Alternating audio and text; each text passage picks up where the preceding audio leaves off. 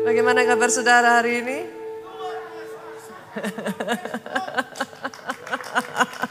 Kalau tangan lebih dahsyat lagi saudaraku. Ah, satu bulan November ini ya saudaraku, nggak habis-habisnya saya dibuat takjub. Takjub, takjub, dan takjub. Namanya berjalan di dalam anugerah ya Pak. Ah, kadang kalau nggak isinya tuh cuman banyak nangisnya Pak. Bukan nangis sedih. Tapi terharu dengan betapa baiknya Tuhan itu. Nanti satu waktu ya saudaraku, kalau waktunya tepat saya sharingkan kepada saudara. Bagaimana di bulan November ini saya banyak dibawa Tuhan berjalan bersama dengan anugerah dan melihat kadangkala ya saudara, satu mungkin yang saya bisa sharingkan ya. Sama-sama yang kita hadapinya sama ya. Pilihan tuh ada di kita. Kayak bulan ini tuh kayak Tuhan tuh ngajarin saya saudaraku. Pilihan ada di saya. Sama kok. Kalau Tuhan sudah janjikan itu akan deliver. Tapi sama-sama delivernya kadang kita tuh bisa yang kayak ini tuh loh Pak, apa sih? Deliver sambil, aduh takut, aduh nanti gimana ya, aduh ah, hati tuh jadi berat gitu. Tapi ya endingnya kan deliver gitu. Tuhan kerjakan kan. Tapi disertai dengan perjalanan yang berat, apa orang Jawa bilang mentiung, Bapak Ibu, apa mentiung gitu. berat gitu, kayak bambu itu bengkok gitu saudaraku. Itu mentiung namanya kalau orang Jawa bilang. Tapi sama-sama ketika kita belajar untuk percaya. Percaya bahwa dia alfa dan omega yang awal dan yang akhir. Dia tahu awalnya, dia tentulah tahu akhirnya. Ujungnya dia tahu. Jalannya sama. Tapi hati bisa ringan. Oh saya sungguh berdoa loh saudaraku. Firman satu bulan ini ya bicara soal anugerah ya. Hari ini bahkan saya akan membagikan satu rema firman yang berjudul Grace Forever. Anugerah selamanya. Apa artinya pastor? Sekali kau hidup dalam anugerah, jangan pernah lepaskan anugerah. Sekali kau hidup dalam anugerah, jangan pernah menjauh dari anugerah, saudaraku. Sungguh-sungguh doa saya, saudara. Saudara dalam hidupmu, dalam hidup keluargamu, itu ada grace forever. Engkau tidak pernah keluar, engkau tidak pernah meninggalkan anugerah itu. Itu sebabnya di dalam satu Eh, di dalam Ibrani 12 ayatnya yang ke-15 bagian A itu sampai dikatakan begini Pak. Jagalah supaya jangan ada seorang pun menjauhkan diri dari kasih karunia. Jaga. Supaya jangan ada seorang pun menjauhkan diri dari kasih karunia Pak. Dari ayat yang kita baca ini kita ngerti gitu. Kita tahu apa saudaraku? Bahwa sering kali bukan kasih karunia loh yang menjauh dari saudara. Yang mengerti aminnya yang paling keras.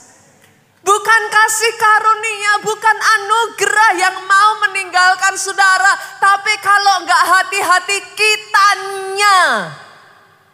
Sadar enggak sadar. Menjauh dari anugerah Pak. Hari ini saya berdoa loh saudaraku firman Tuhan yang akan saya sampaikan hari ini. Saya ingin mengajak saudara belajar dari para pendahulu kita. Jangan sampai kita melakukan the same mistake. Kesalahan yang sama, saudaraku. Yang membuat mereka kehilangan anugerah.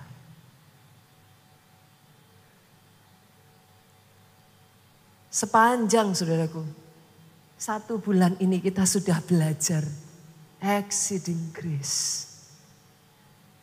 Saya pribadi merasakan bagaimana hidup itu berjalan dari anugerah pada anugerah yang berikutnya. Ketemunya anugerah lagi.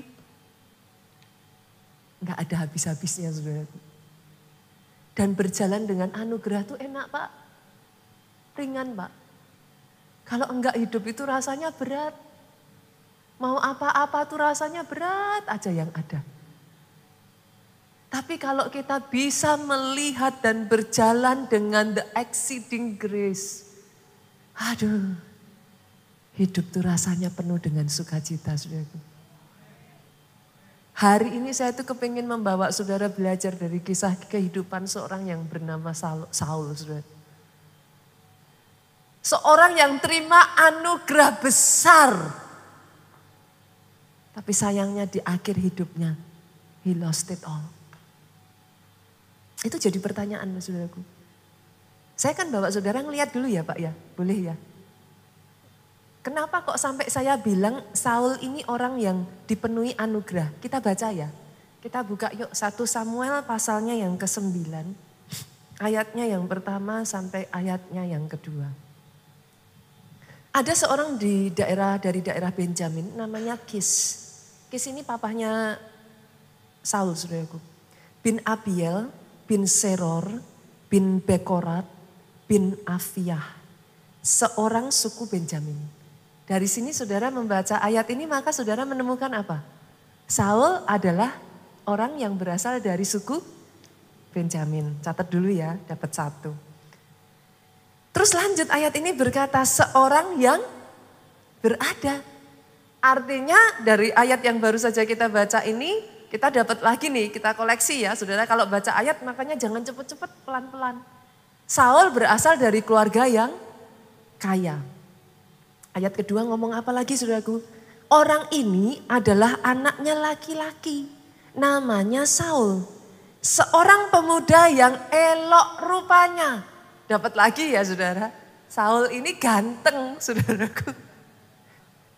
Saking gantengnya lihat ya saudara. Tidak ada seorang pun dari antara orang Israel yang lebih elok daripadanya.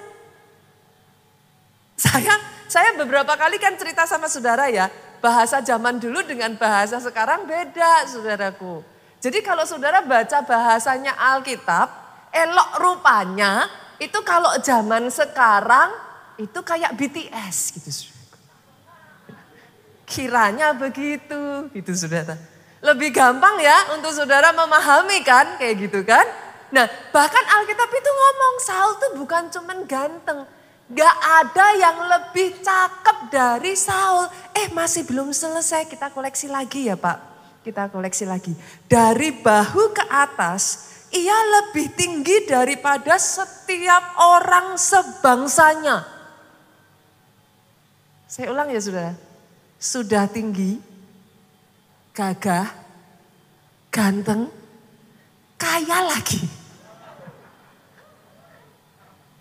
Kurang anugerah apa? Saudara bisa mengerti ya kenapa saya mengatakan Saul ini terima anugerah. Belum lagi ditambah dengan saudaraku, saudara tarik leluhurnya. Dia berasal dari tadi siapa? Suku Benjamin. Jangan lupa loh saudaraku, Benjamin ini adalah anak bungsu ayahnya. Lahir dari istri kesayangan. Pada saat anak ini lahir, ibunya meninggal. Benjamin ini anak kesayangan ayahnya. Ditambah dengan pada saat Yusuf, kakak kandung, jadi kakak asli dari ibu dan ayah yang sama saudaraku, dikabarkan oleh saudaranya sudah meninggal. Papahnya Yakub nggak tahu kalau Yusuf dijual, saudaraku. Papahnya hanya tahu Yusuf ini sudah meninggal. Saudara kebayang nggak cuman dua saudaraku tinggal satu.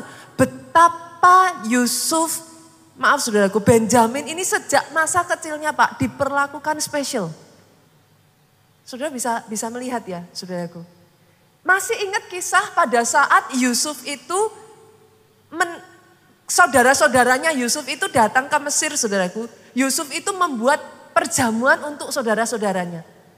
Saudara kalau baca nanti di Alkitab, saudara nemuin.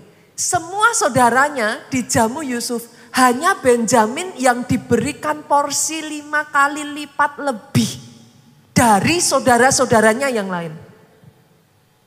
Saudara, ketika saya mengatakan ini ya, saya berharap saudara bisa nangkep loh. What grace can do in your life. Saya nggak asal sembarangan ngomong, oke okay, sejak dari saat ini ya saudara akan terima lima kali lipat. Kayak gitu. I don't say that saudaraku. Tapi saya ingin menunjukkan kepada saudara, what grace can do.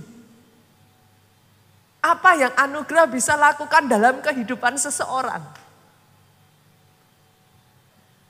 Bagaimana yang lain hanya dapat satu porsi, Benjamin dapat lima kali lipat. Saya berdoa ada orang-orang yang bisa nangkap itu dan itu jadi atas hidupmu. Saudara. Benjamin ini begitu rupa ya saudaraku dibawa Tuhan sampai dari si bungsu ini bisa lahir satu suku yang besar dan kuat saudara.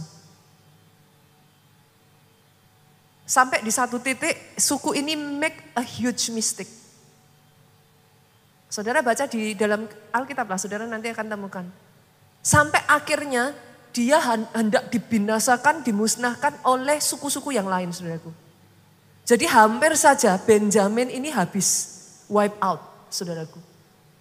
Tapi once again, karena ada anugerah kasih karunia Tuhan. Beberapa waktu yang lalu saya mengajarkan ya saudaraku, kemurahan Tuhan itu tidak selalu dalam bentuk saudara keluar dari masalah loh. Tapi diizinkan melalui masalah tapi diberi kekuatan dan tidak ditinggalkan. Itu pun anugerah. Masih ingat ya saudaraku? Pada saat Benjamin mengalami itu semua, Tuhan luputkan dia sampai akhirnya nggak jadi dimusnahkan. Bahkan dari keturunannya lahir saudaraku raja pertama bangsa Israel ini suku paling bungsu loh saudara. Itu pun anugerah. Pastor poinnya pastor apa? Saul itu lahir dari leluhur yang kalau saudara tarik bahkan sampai ke Saul sendiri. Anugerah demi anugerah demi anugerah demi anugerah. Setuju nggak saudara dengan saya? bahwa Saul adalah orang yang sudah mengalami anugerah yang begitu besar. Bagaimana tidak saudaraku? Tadi saya sudah sebutkan kepada saudara. Tinggi, gagah, paling cakep. Kaya lagi. Raja pertamanya Israel. Semua hal yang manusia idam-idamkan itu ada dalam diri Saul. Kurang apa pak? Oh, semua yang bisa dimimpikan manusia, saudaraku Saul ini punya. Pertanyaannya, saudaraku, how did he lose it? Bagaimana seorang dengan anugerah yang begitu rupa, saudaraku, kehilangan segalanya, saudaraku. Saul meninggal dengan mengenaskan, Pak, di medan perang. Oh, Ngeri saudaraku. Dia dipermalukan begitu rupa saudaraku. Saul kehilangan perkenanan Tuhan. The list keep on going saudara. Bukan hanya itu saja saudaraku.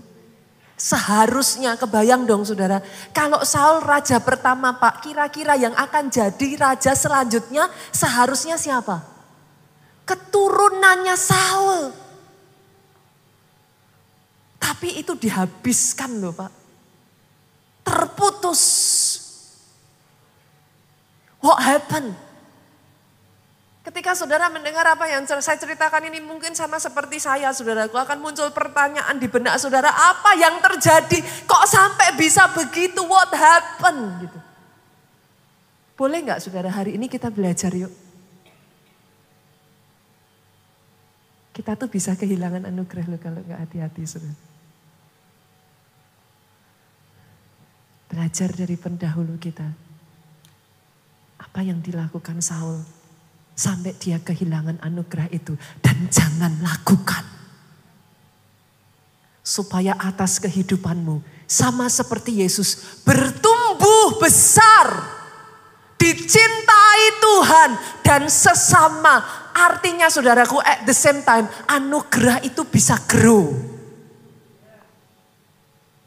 Oh yes, anugerah bisa bertumbuh Pak.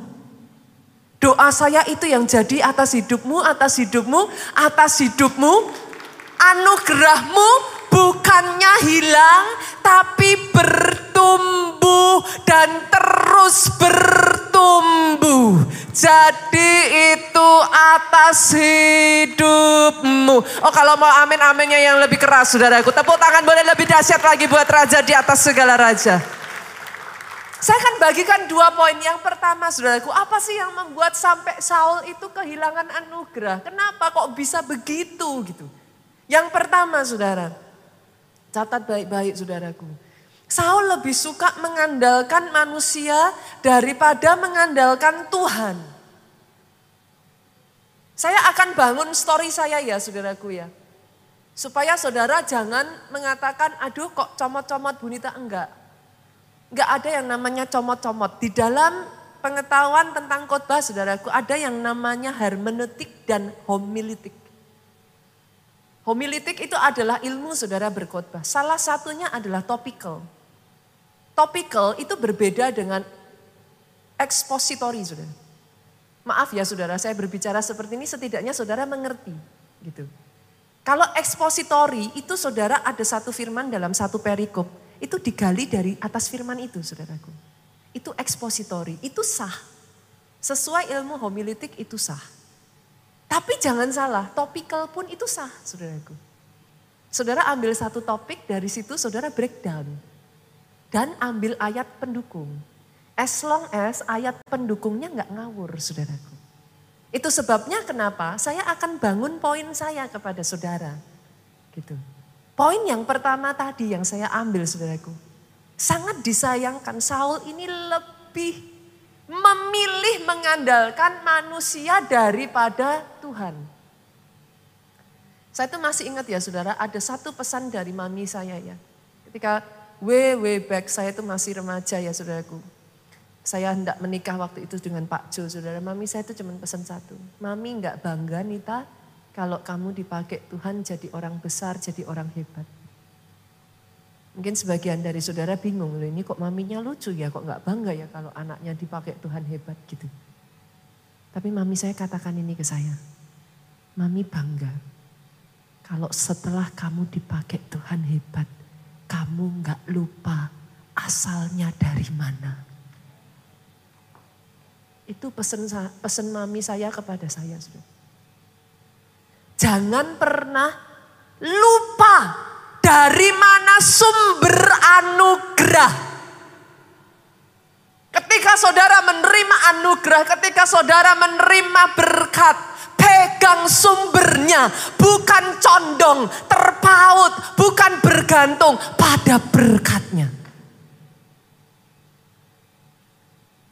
Sayangnya saudaraku, dari Saul ini Kenapa sampai dia bisa kehilangan anugerah? Saya akan bangun poin saya saudaraku. Saya akan mengajak saudara melihat apa yang terjadi pada Saul. Kita buka yuk 1 Samuel pasalnya yang ke-10 ayatnya yang ke-26.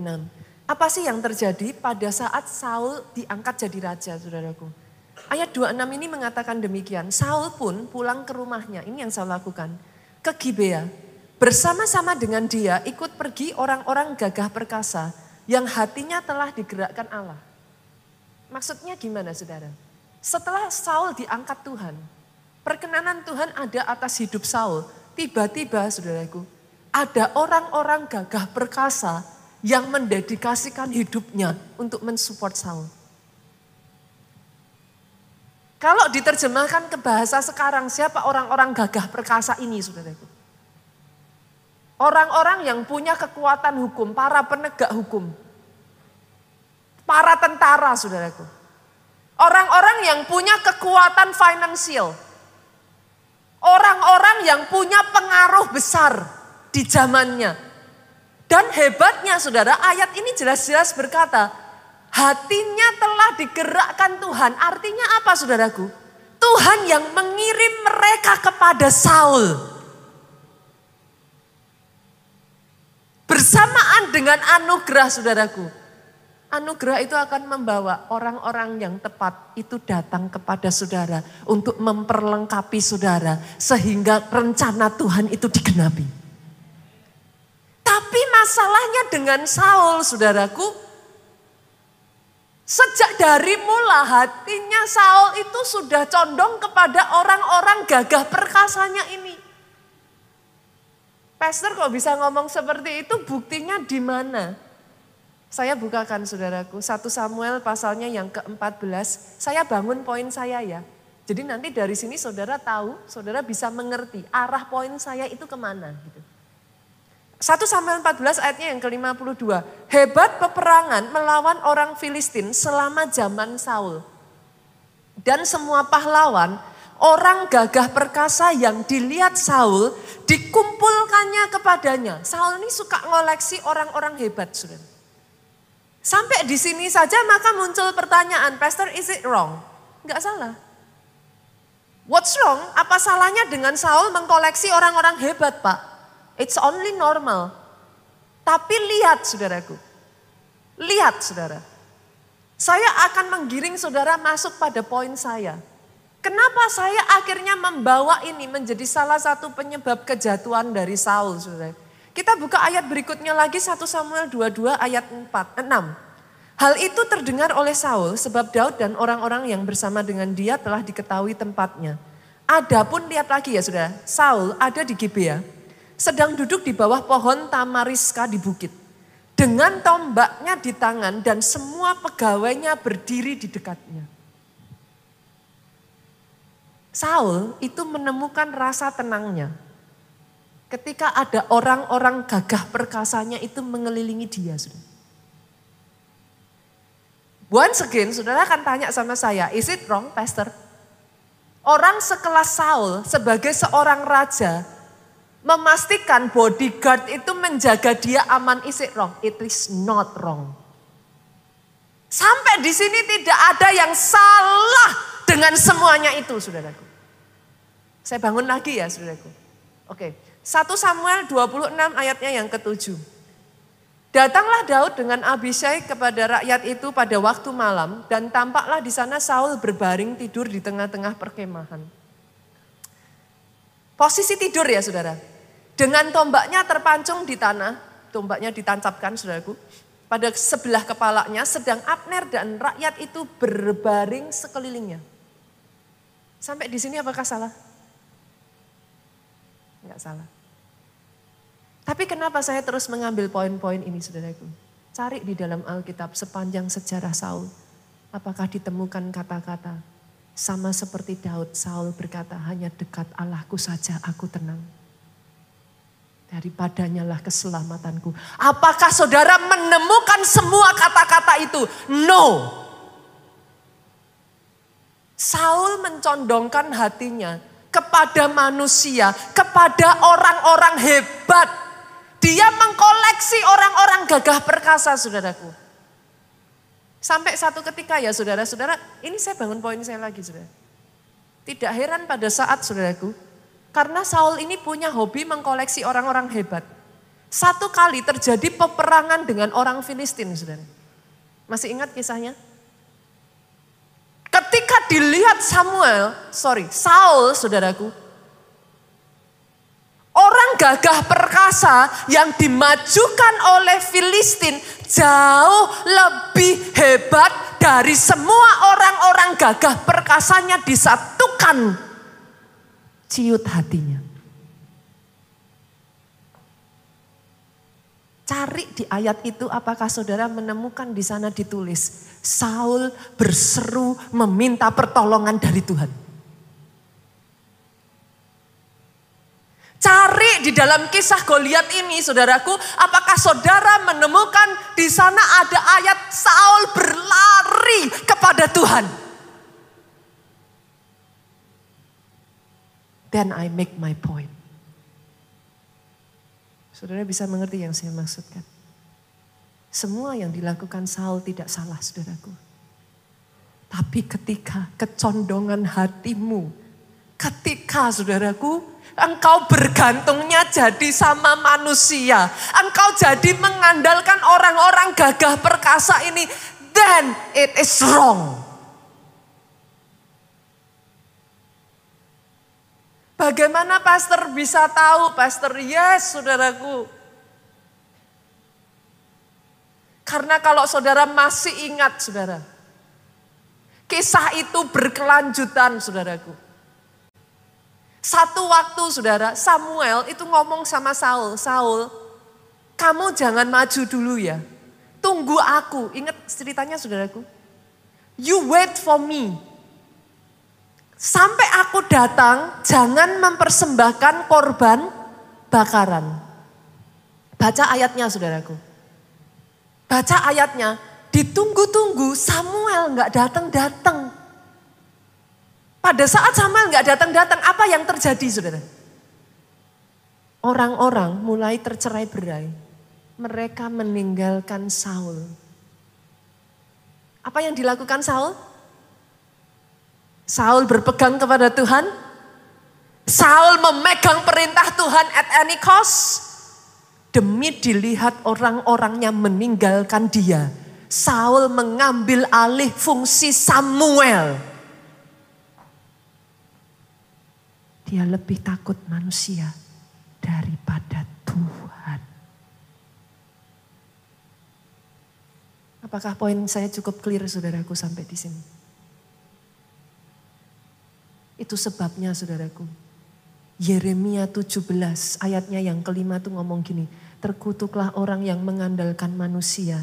Yang mengandalkan kekuatannya sendiri. Dan yang hatinya menjauh daripada Tuhan. Tapi ayat itu berlanjut dengan ayat yang ketujuh. Diberkati orang yang mengandalkan Tuhan. Yang menaruh harapannya pada Tuhan. Ini yang dialami Daud, saudaraku. Apakah saudara kira nggak sama antara Saul dengan Daud? Sama, exactly the same. Pada saat Daud diangkat menjadi raja, saudaraku, orang-orang gagah perkasa itu mendekati Daud. Tapi yang membedakan hatinya Daud tidak pernah condong kepada mereka. Itu sebabnya saudara akan selalu menemukan sebab hanya dekatmu Allahku ku rasa tenang. Sebab hanya dekatmu Allahku kedamaian abadi selalu di hidupku. Saudara masih ingat pada saat seluruh rakyatnya bahkan leader-leader Daud ini hendak merajam Daud dengan batu saudara. Mereka hendak meninggalkan Daud karena Sikla habis terbakar. Masih ingat saudaraku? Apa yang Daud lakukan? Daud datang kepada Tuhan, dia bersujud. Dia minta petunjuk dan pertolongan yang dari Tuhan. Semua yang dilakukan Saul nggak salah saudara. Tetapi yang membuat semuanya itu menjadi celah. Akhirnya dia kehilangan anugerah karena kecondongan hatinya. Hari ini saya tanya ya Bapak Ibu. Boleh nggak kita ambil waktu evaluasi? Jujur saudara, kecondongan hatimu ke mana? Tuhan berikan saudara orang-orang kuat, Tuhan berikan saudara koneksi, Tuhan berikan semuanya itu blessing loh saudara, betul? Enggak semua orang bisa dapat itu semua, itu pun blessing. Kalau saudara bertanya sama saya, salah enggak pastor saya mengusahakan semuanya, enggak ada yang salah dari itu. Hatinya harus kepada Tuhan. Bukan mengandalkan kekuatan kita, kemampuan kita, bukan mengandalkan kepandaian Bu. Tapi Tuhan sumber anugerah, sumber berkatnya yang itu jangan dilepaskan. Salah satu saudaraku, downfall pertama. Karena Saul lebih mengandalkan manusia daripada Tuhan. Hati ini harus dijaga loh saudara. Karena batasannya tipis. Saul sama Daud dua-duanya ngalamin sama. Tapi saudara akan menemukan betapa berbeda kecondongan hatinya. Dan itu membuat Daud saudaraku menutup matanya di usia tuanya dalam anugerah yang terus bertumbuh. Daud nggak willing untuk let go perkenanan Tuhan hanya demi manusia. Sejujurnya ya Bapak Ibu, manusia itu ya hari ini bisa bilang A, besok B. Orang yang sama yang berkata kepada Yesus, gloria bagi anak domba. The same people yang mengatakan salibkan dia. Tapi kalau kau pegang sumber dari segala sumber anugerah, engkau tidak akan pernah kering anugerah, saudaraku. Manusia boleh untuk sementara waktu meninggalkan saudara. Selama sumber anugerahnya tidak kau lepaskan. Ada caranya yang ajaib.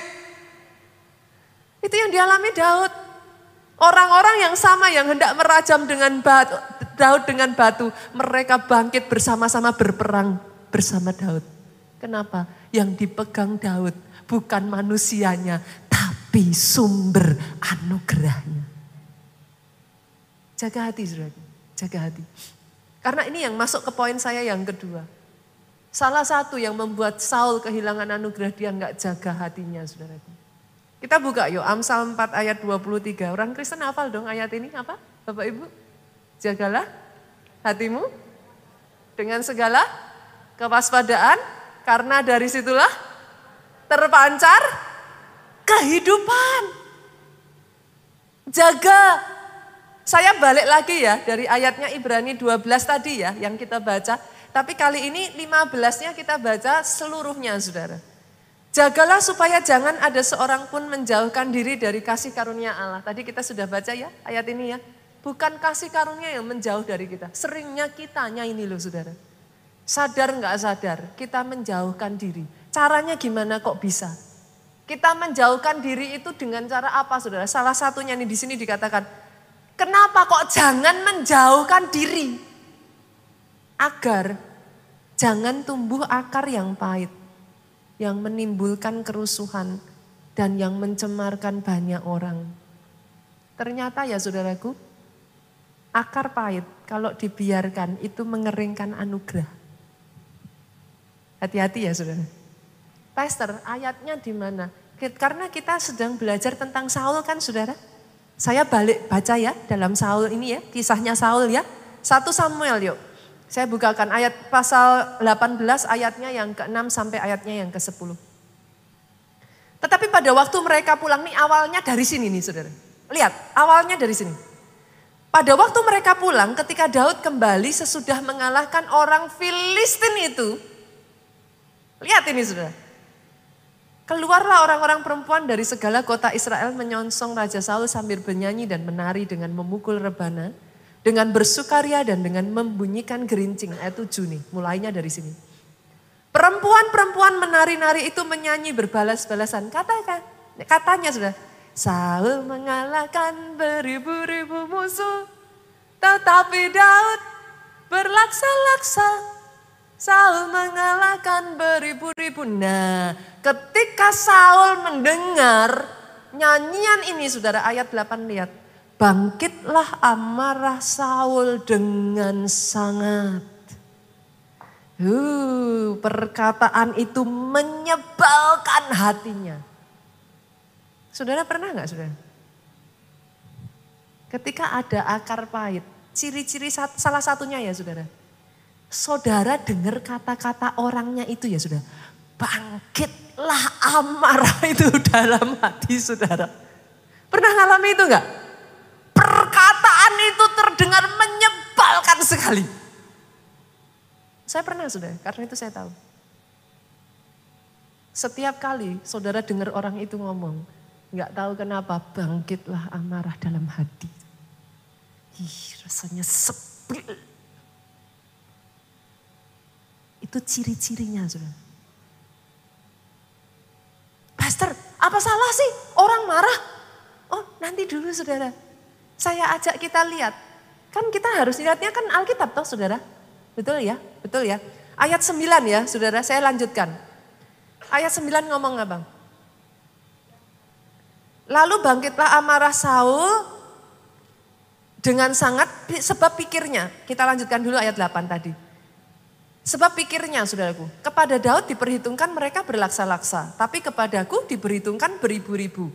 Ini artinya Saul apa saudara? Iri ya? Boleh dong? Saul iri. Diperhitungkan beribu-ribu. Akhir-akhirnya jabatan raja itu pun jatuh kepadanya. Ayat 9. Sejak hari itu. Dimulainya dari kayak gitu-gitu loh saudara. Bu Nita masa sih saya nggak boleh marah kayak gitu? Masa sih Bu Nita kalau gitu terus gimana gitu? Lihat ini sudah, sejak hari itu maka Saul selalu mendengki Daud. Dengki sama iri itu sepakat ya saudaraku. Kalau nggak hati-hati ya saudara, akar pahit itu mulai muncul, dia mulai merambat saudara. Dan sebagai dampaknya ini ngeri loh saudara. Saudara jangan bilang oh, nggak apa-apa, nggak apa-apa pastor kan. Ya namanya manusia. Hati-hati loh saudara. Ayat 10 saya bacakan saudara. Ini bukan saya yang ngomong ya. Saya nggak ngeroh-ngeroin loh ya saudara. Ini saya bacakan persis Alkitab ngomong. Keesokan harinya sejak kejadian itu. Roh jahat yang daripada Allah itu berkuasa atas Saul. Sehingga ia kerasukan di tengah-tengah rumah sedang Daud main kecapi seperti sehari-hari, adapun Saul ada tombak di tangannya. Wow. Apa setiap kali saya marah terus saya kerasukan bunita? Enggak, saudaraku. Enggak, enggak. Tapi ingat ini, yes. Akar pahit yang tidak saudara selesaikan itu membuka celah untuk iblis masuk di sana. Dan izinkan saya mengatakan ini saudaraku, itu mengeringkan anugerah. Ini cerita saya berani ceritakan karena Pak Jo sendiri yang menyaksikan saudaraku. Jauh-jauh ketika kami itu masih perma, per, permulaan saudaraku, masih hijau lah. Kami itu masih sangat hijau sekali.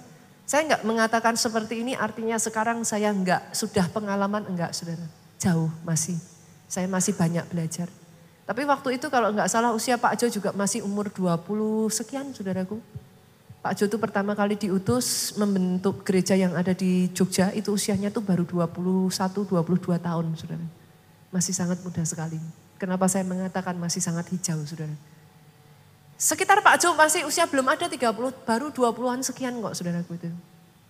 Satu kali saudaraku ada orang dekat kami saudara. Orang yang bersama-sama berjuang bersama kami. Di depan kami tuh baiknya minta ampun saudaraku. Oh benar-benar. Itu bisa yang ngomong kayak Gak usah Pak Jo yang maju, saya aja yang maju. Aduh itu benar-benar apa ya, saya hanya bisa mengatakan ini orang tuh baik sekali dan really really with us kayak gitu. Tapi yang kami nggak sadari saudaraku, out of nowhere, kenapa saya katakan out of nowhere? Karena memang nggak ada apa-apa saudara. Beda dengan kalau udah ada masalah, ada masalah tiba-tiba der gitu kan, ya kita ngerti gitu saudaraku. Ini tuh out of nowhere, kami tuh ditusuk dari belakang saudaraku.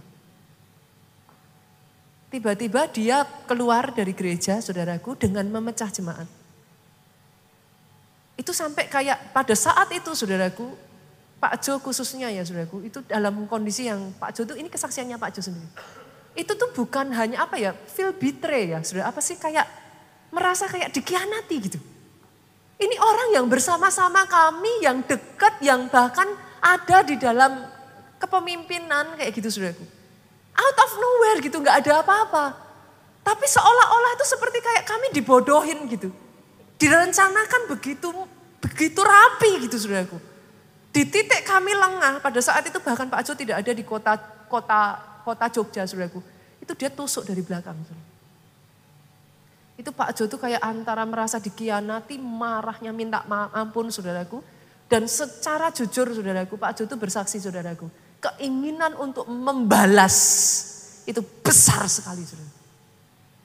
Pada saat itu Pak Jo sudah berpikir saudaraku, dengan resource yang ada itu mau menghancurkan orang ini saudara. Tapi sebelum Pak Jo melakukan itu saudaraku, Ada salah satu teman hamba Tuhan yang kami cukup dekat, saudara. Itu sebabnya penting ya saudaraku, kelilingi diri saudara dengan orang-orang yang tepat. Hati-hati saudara.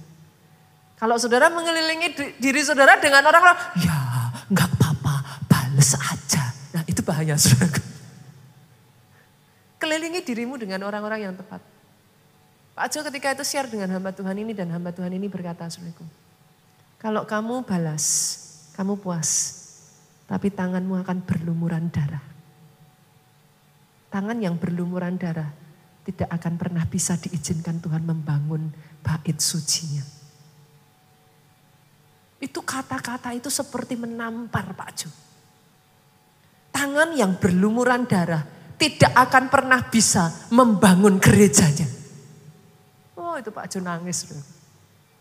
Itu perasaan seperti, dan itu kerugiannya bagi kami itu sangat besar sekali. Loh.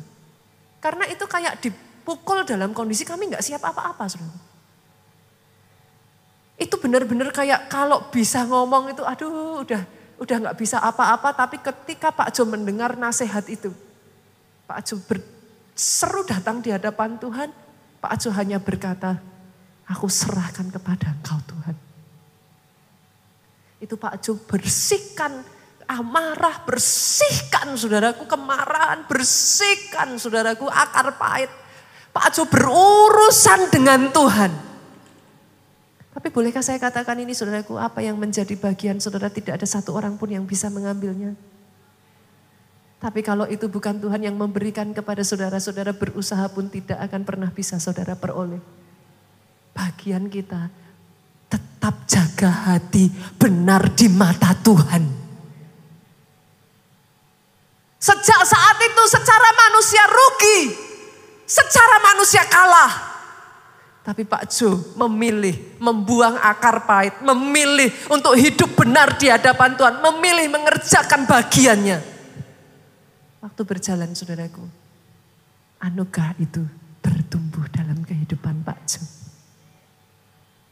Kalau hari itu mungkin bisa di strike, bisa dikalahkan saudaraku. Tapi tangannya akan berlumuran darah. Daud hari itu bisa ngalahin Saul bisa bunuh Saul. Tangannya akan berlumuran darah. Tahta Daud tidak akan tetap sampai akhir hayatnya. Tapi karena Daud tahu mempertahankan apa yang benar di mata Tuhan. Tuhan yang jadi pembela buat saudara. Tuhan yang berperang. Tuhan tidak bisa menyangkali firmannya sendiri saudara. Sejak dari hari itu sampai hari ini saudaraku, anugerah Tuhan bertumbuh dengan luar biasa. Boleh nggak saudara? Jaga hati ya. Jaga hati. Kalau ada di antara saudara yang mungkin saudara berkata, ya pastor ada akar pahit itu dalam hati saya. Saya nyimpen kebencian itu. Boleh nggak saudaraku hari ini dibuang jauh yuk. It doesn't do you any good. Itu tidak membawa kebaikan buat saudara. Dan yang terakhir saudara, saya akan tutup dengan ini. Ketika saudara mendapatkan anugerah, ingat ini ya saudaraku. Estafetkan anugerah. Maksudnya gimana pastor? Kita hidup di dalam hukum tabur tuai saudara. Barang siapa menabur dia akan menuai. By the way buat saya, saya itu orang yang sangat Percaya sekali dengan hukum tabur tua itu. Hukum tabur tua itu buat saya itu bukan kayak, oh saya nabur supaya saya nuai. Salah sudah. Hmm, saya tidak pernah berpikir begitu. Hukum tabur tua buat saya itu sepasti. Saudara bangun pagi hari, matahari akan terbit. Dan tanpa saudara minta, nanti malam hari bulannya yang akan menyinari. Itulah yang namanya hukum saudara. Selama kau menabur, tidak henti-hentinya, kau pasti menuai. Bunita sedang berbicara soal uang, enggak, saudara. Sorry ya. It's not always about money, saudara. Ketika kau tabur kebaikan, kau tuai kebaikan. Yes. Tapi ada satu taburan yang saya ajak saudara lakukan. Boleh enggak saudara? Estafetkan anugerah keselamatan tidak berhenti sampai di saudara. diselamatkan untuk menyelamatkan orang lain. Estafetkan. Kenapa? Saya tutup dengan satu kisah ini ya saudara. Kalau saudara masih ingat satu hari ada seorang yang berhutang kepada raja besar, raja lunasi. Tapi ketika dia ada temannya yang berhutang, jauh lebih kecil, nggak bisa melunasi itu saudaraku. Dia marah, dia penjarakan. Raja marah, orang ini dimasukkan di dalam penjara. Pesan apa dari kisah ini yang kita dapatkan? Salah satunya ya saudaraku, salah satunya. Jangan pernah kemurahan dan anugerah itu berhenti kepada saudara. Estafetkan kepada yang berikutnya. Kita sudah terima kemurahan yang dari Tuhan. Murah hatilah kepada orang lain.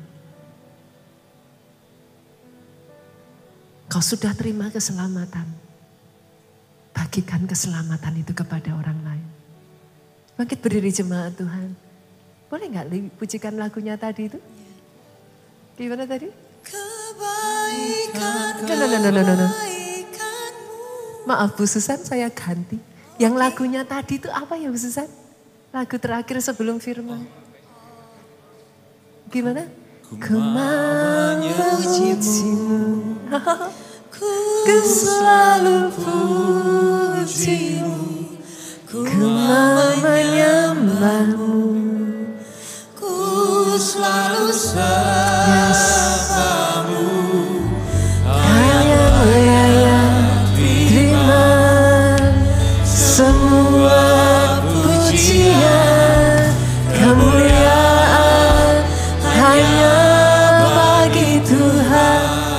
Jemaat yuk sama-sama. Ku mau memujimu. Ku selalu pujimu.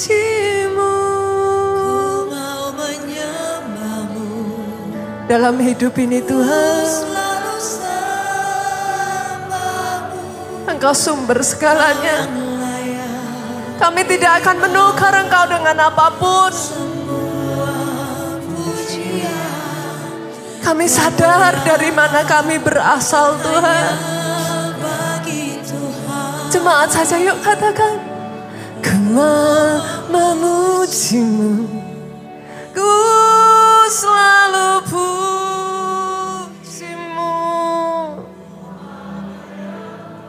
Oh Yesus. Apa pun boleh diizinkan terjadi. Mulut ini tidak akan pernah henti-hentinya.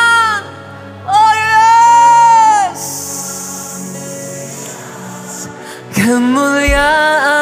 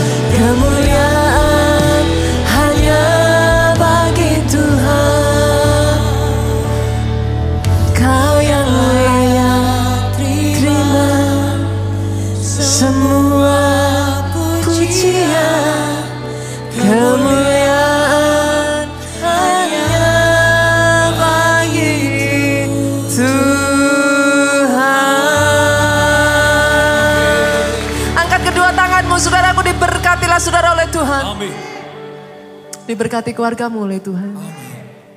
Di dalam hidupmu biar anugerah itu terus bertumbuh saudaraku. Anugerah itu terus berlipat. Berjalan di dalam anugerah. Kanan kirimu ada anugerah, depan belakangmu ada anugerah. Diizinkan, tetapi hanya untuk menyaksikan kedahsyatan Tuhan. Berkati engkau dengan anugerah umur panjang. Sehat sesehat-sehatnya tubuhmu saudaraku. Diberkati kesaksianmu. Apa pun yang keluar dari mulutmu ini menjadi berkat memuliakan nama Tuhan. Diberkati pelayanan dan pemberitaan Injilmu oleh Tuhan saudaraku. Pulang dengan membawa sukacita. Damai sejahtera Allah Bapa, cinta kasih Yesus Kristus. Persekutuan dengan rohnya yang kudus sekarang sampai selama-lamanya. Engkau yang diurapi, diberkati, katakan dengan suaramu yang paling keras. Amin.